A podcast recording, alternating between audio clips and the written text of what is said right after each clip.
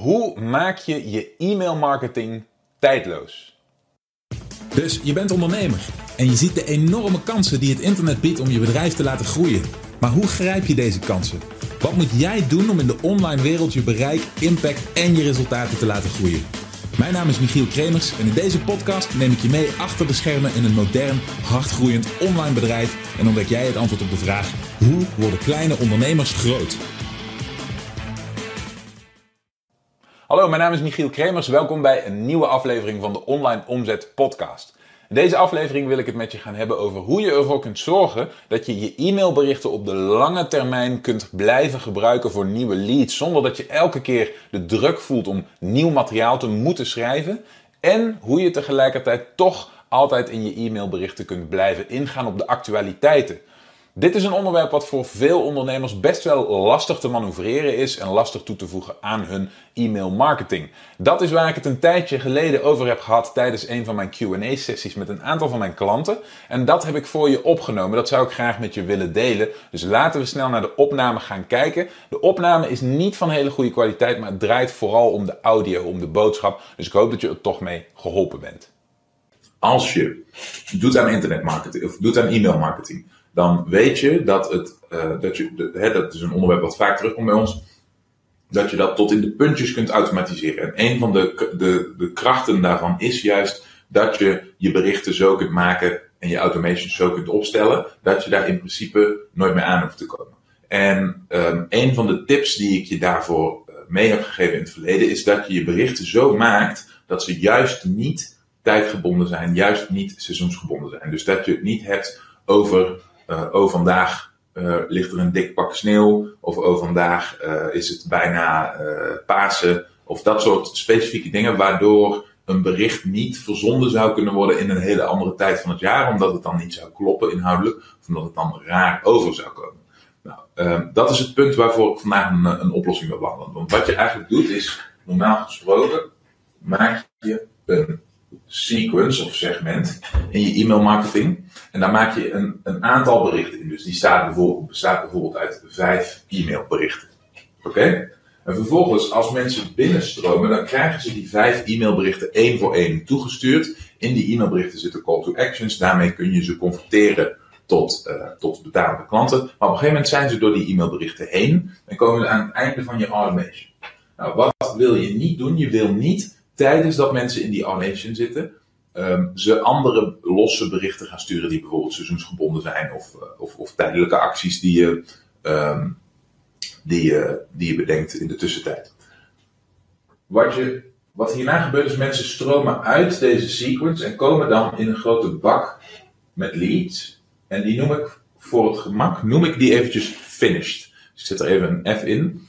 Die zijn door al je automations heen, oké? En er zijn geen nieuwe e-mails meer die klaarstaan. Nou, elke keer dat jij nou een nieuwe set met e-mails schrijft, hè, stel dat je ze schrijft in batches van vijf, wat je dan wil doen, is dan wil je die vijf, uh, die, die nieuwe e-mails, die wil je onder de vorige sequence plaatsen. Oké? Je kunt het zo doen dat de finished leads daar dan opnieuw doorheen lopen. Dus je kunt ze onder de finished leads plaatsen. Maar uh, dat, dat hangt een beetje ervan af hoe ik dat doe. Misschien kan ik dat beter eventjes anders tekenen.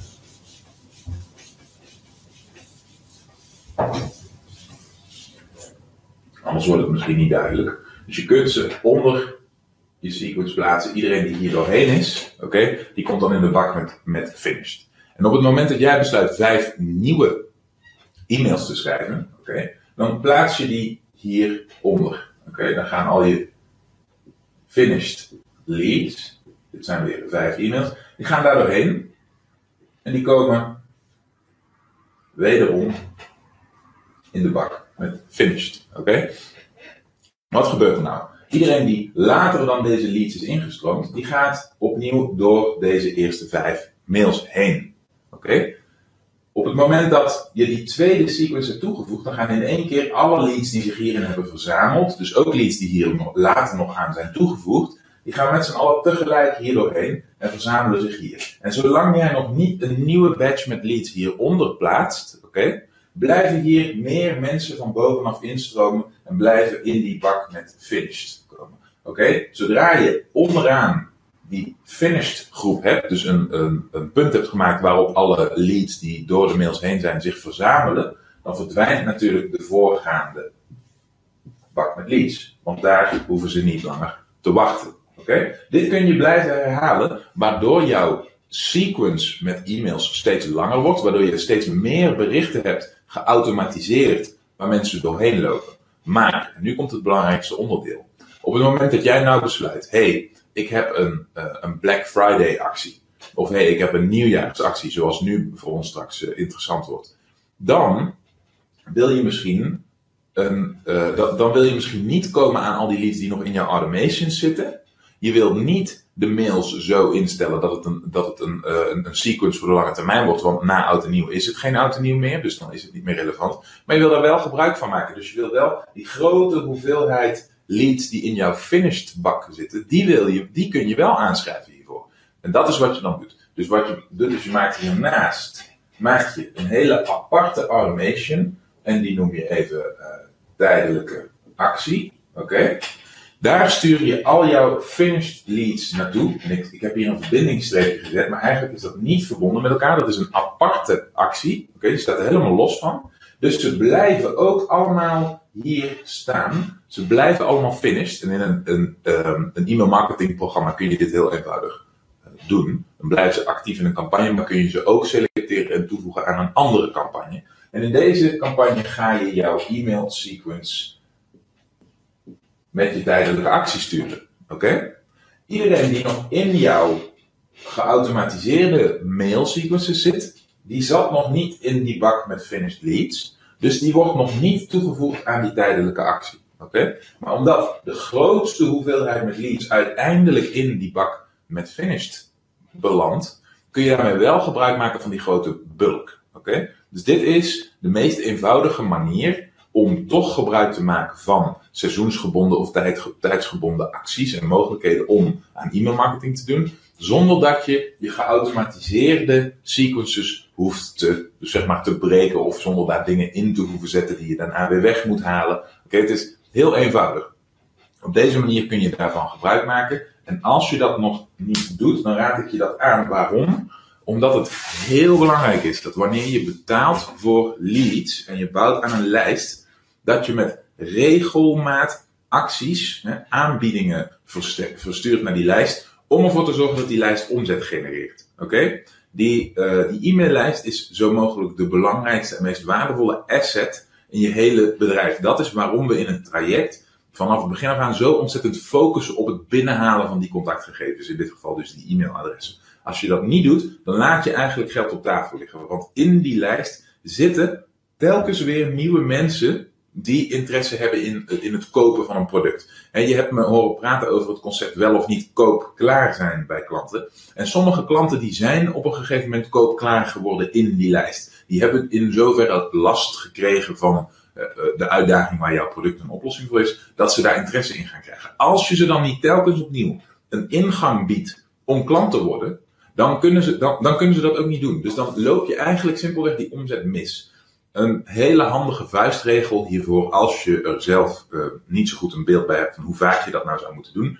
Minimaal één keer per kwartaal een uitgebreide lancering of uitgebreide actie of tijdelijke actie houden. Waarbij je het grootste gedeelte van je lijst die zich heeft verzameld in die finished segmenten aanspreekt.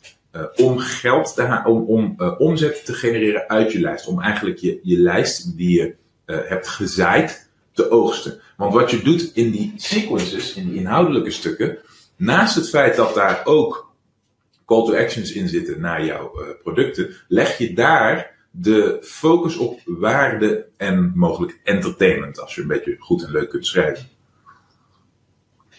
Dus in de normale e-mail marketing ligt de nadruk op waarde en eventuele entertainment. En daarmee bouw je goodwill op en zorg je dat mensen betrokken blijven. En eens in de zoveel tijd mag er dan aan een stukje sales gedaan worden. Dan mag er eventjes geduwd worden op de verkoop. Dan mag je eventjes duidelijk aangeven, oh, we hebben een hartstikke goed product wat dit probleem voor je oplost. Kijk eens, dit is wat we voor je hebben. En we kunnen het nu tijdelijk ter ere van Black Friday, ter ere van kerst, ter ere van, noem het maar op, Pasen, voorjaar, de eerste zonnige dag, uh, iets in die richting.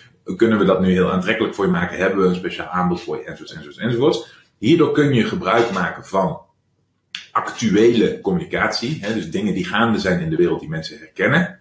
Zonder dat je daarmee hoeft te, zeg maar, te tinkeren aan je automations, aan je e-mail sequences. Oké, dus zoals je ziet is het idee dat je in eerste instantie tijdloze e-mails schrijft en dat je vervolgens de leads die door jouw e-mails heen zijn gelopen aan een segment toevoegt achteraan je e-mail marketing automation, waar je ook kunt inspelen op actualiteiten. Oftewel, stel dat er uh, dingen gebeuren in de omgeving waar je, als, waar je in jouw werkveld eigenlijk op in zou moeten gaan, dan kun je dat in dat laatste segment doen. Alle leads die jouw overige e-mail marketing hebben ontvangen, eindigen in dat segment en die krijgen jouw nieuwste actuele berichtgeving ook mee. Als je nou bij jezelf denkt, hey, dit soort tips, dit soort technieken, dit soort uitdagingen, die ervaar ik in mijn bedrijf. Ik kan daar wel wat hulp bij gebruiken. Misschien is deelname aan mijn traject dan een wijze stap voor jou. Mocht je dat met me willen onderzoeken, dan zou ik je willen voorstellen om naar onlineomzet.com slash interesse te gaan en daar het vragenformulier in te vullen. Dan kun je een afspraak met me maken en spreken wij elkaar binnenkort, hopelijk. En kunnen we kijken of deelname aan het traject misschien iets voor jou is. In de tussentijd wens ik je alvast heel veel succes en hoop ik dat je deze techniek gaat toepassen aan je e-mailmarketing. En dan zie ik je natuurlijk heel graag in de volgende aflevering. Bedankt voor het luisteren. Heb je iets aan deze aflevering gehad of heb je een vraag? Laat het me weten via de comments. En vergeet niet te abonneren. Dan blijf je op de hoogte van alle tips en strategieën waarmee jij als moderne ondernemer groot kunt worden. Voor een overzicht van alle afleveringen ga je naar onlineomzet.com/podcast.